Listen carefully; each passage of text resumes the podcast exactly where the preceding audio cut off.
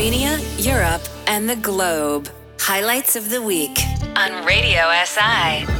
Welcome to the latest edition of Highlights of the Week here on Radio SI. We will again make a short recap of the past week, going through some of the major news making headlines around the world. In Slovenia, Prime Minister Janez Janša and Defense Minister Matej Tonin received death threats in the mail. It was sent to their homes with live ammunition included in the letters. The unknown sender said that the Prime Minister would be the first to go down and that the same fate awaited the supporters of the government. Earlier, death threats have also been set to the Interior Minister, Aleš Hojs, and two opposition parties. According to Hojs, those threats were unacceptable and reprehensible for a democratic society. He was surprised that not all political parties condemned them in one voice. Mislim, da so te grožnje za eno demokratično družbo nespremljive, da so zavržne. Mene se začudi, da niso vse politične stranke v en glas to zavrnile oziroma obsodile.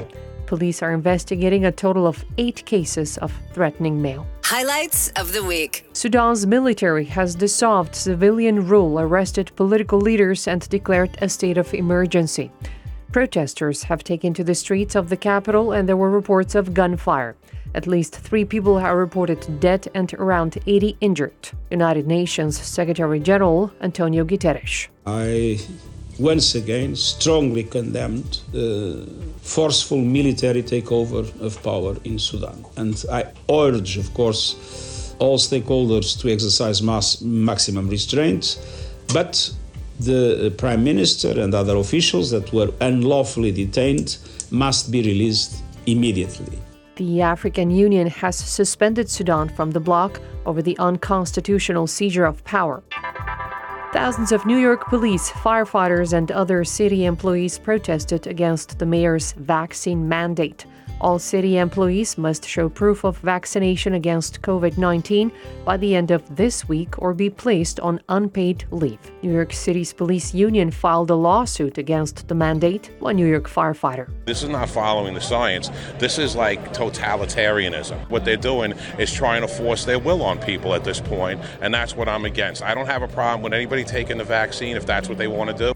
Mayor Bill de Blasio cited overtime and redeployments as contingency plans for potential staff shortages. Highlights of the week on Radio SI. Coming back to Slovenia, Health Minister Janez Poklukar said that Slovenia's epidemiological status was poor as the country was heading towards the worst situation since the start of the epidemic. He explains that if the trend is not reversed, he will propose at least a partial lockdown.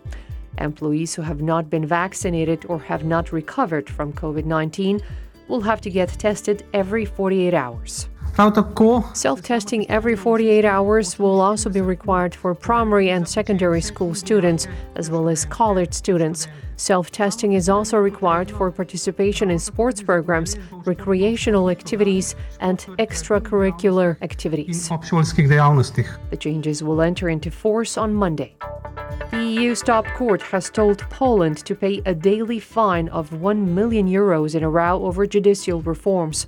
Earlier this year, Poland was ordered to suspend a controversial disciplinary chamber but has not yet done so. Belgian Prime Minister Alexander De Croo. You are playing a dangerous game.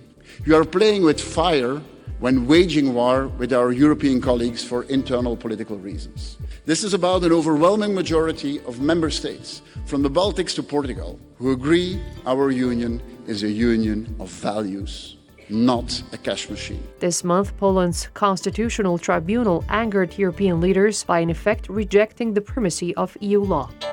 And going back to the States, the State Department has issued the first passport with an X gender designation. This comes after a six year legal battle between Dana Zzyym, an intersex and non binary Colorado resident, and the US government over the right to have an X gender in the passport. Zim, who does not identify as male or female, said the goal is to help the next generation of intersex people win recognition as full citizens with rights. Outright Action International Acting Executive Director Maria Sjodin. That is something that, as a member of the LGBTIQ community, I am incredibly grateful to those people who are really sticking out their necks and taking the fight, not just for themselves, but really setting a new precedent. The United States says it will start offering third gender option for passport holders more broadly next year. We will now make a short music break, but we'll be right back with this week's top story. The most important news from Slovenia, Europe, and around the globe. Highlights of the week. Saturdays at 225 on Radio SI. A week ago, supporters of WikiLeaks founder Julian Assange gathered in central London. The protest came ahead of his appeal hearing this week after the US was granted permission to appeal the decision not to extradite the WikiLeaks founder. Assange's supporter, Alice Back. Is unconscionable, unprecedented. Have you ever heard of a country allowing the extradition of one of its uh, protected asylees, political asylees, to the very country that wants to murder him? This is insane. This is wrong. This is completely outside of any legal process. On Monday, lawyers for the United States have told the High Court the judge who blocked Assange's extradition was misled by his psychiatrist. In January, a court ruled Assange could not be extradited to the United States due to concerns over his mental health. On Wednesday, the United States government has started a legal appeal to try to get the WikiLeaks founder extradited. The editor in chief of WikiLeaks branded it unthinkable. Kristinn Hrafnsson. This court will hear the arguments or so called arguments of the US lawyers. They will maintain that uh, Julian will be treated very fairly when he is extradited into the US prisons. They will make so called assurances. Everyone who takes a second look at those so called assurances knows that they are worth nothing. A decision is not expected to be announced for four to six weeks. Former Labour leader Jeremy Corbyn. Julian Assange has held the world's leaders to account. They found it too uncomfortable. Therefore, he is in Belmarsh. I simply say this journalism is not a crime. Release Julian Assange. WikiLeaks editor in chief, Hrafnsson. The judges here have only two choices basically uphold the decision not to extradite Julian Assange or de facto give out a death sentence. That cannot happen. And we have to rely on all of you to make sure that in the weeks ahead that you make your voice heard, that you put pressure on your media, on your politician everywhere because this cannot happen.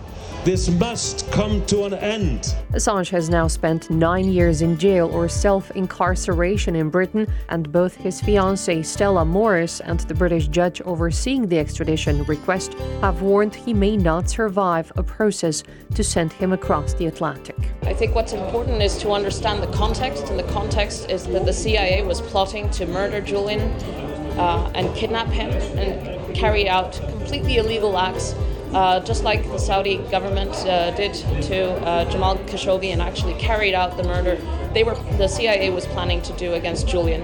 The 50 year old Australian is wanted in the United States on 18 criminal charges, including breaking a spying law after his group published thousands of secret classified files and diplomatic cables in 2010. That's it for this week. You can join us again next weekend, same place, same time. My name is Lydia Petkovic, signing off. Goodbye. The most important news from Slovenia, Europe, and around the globe. Highlights of the week. Saturdays at 225 on Radio SI.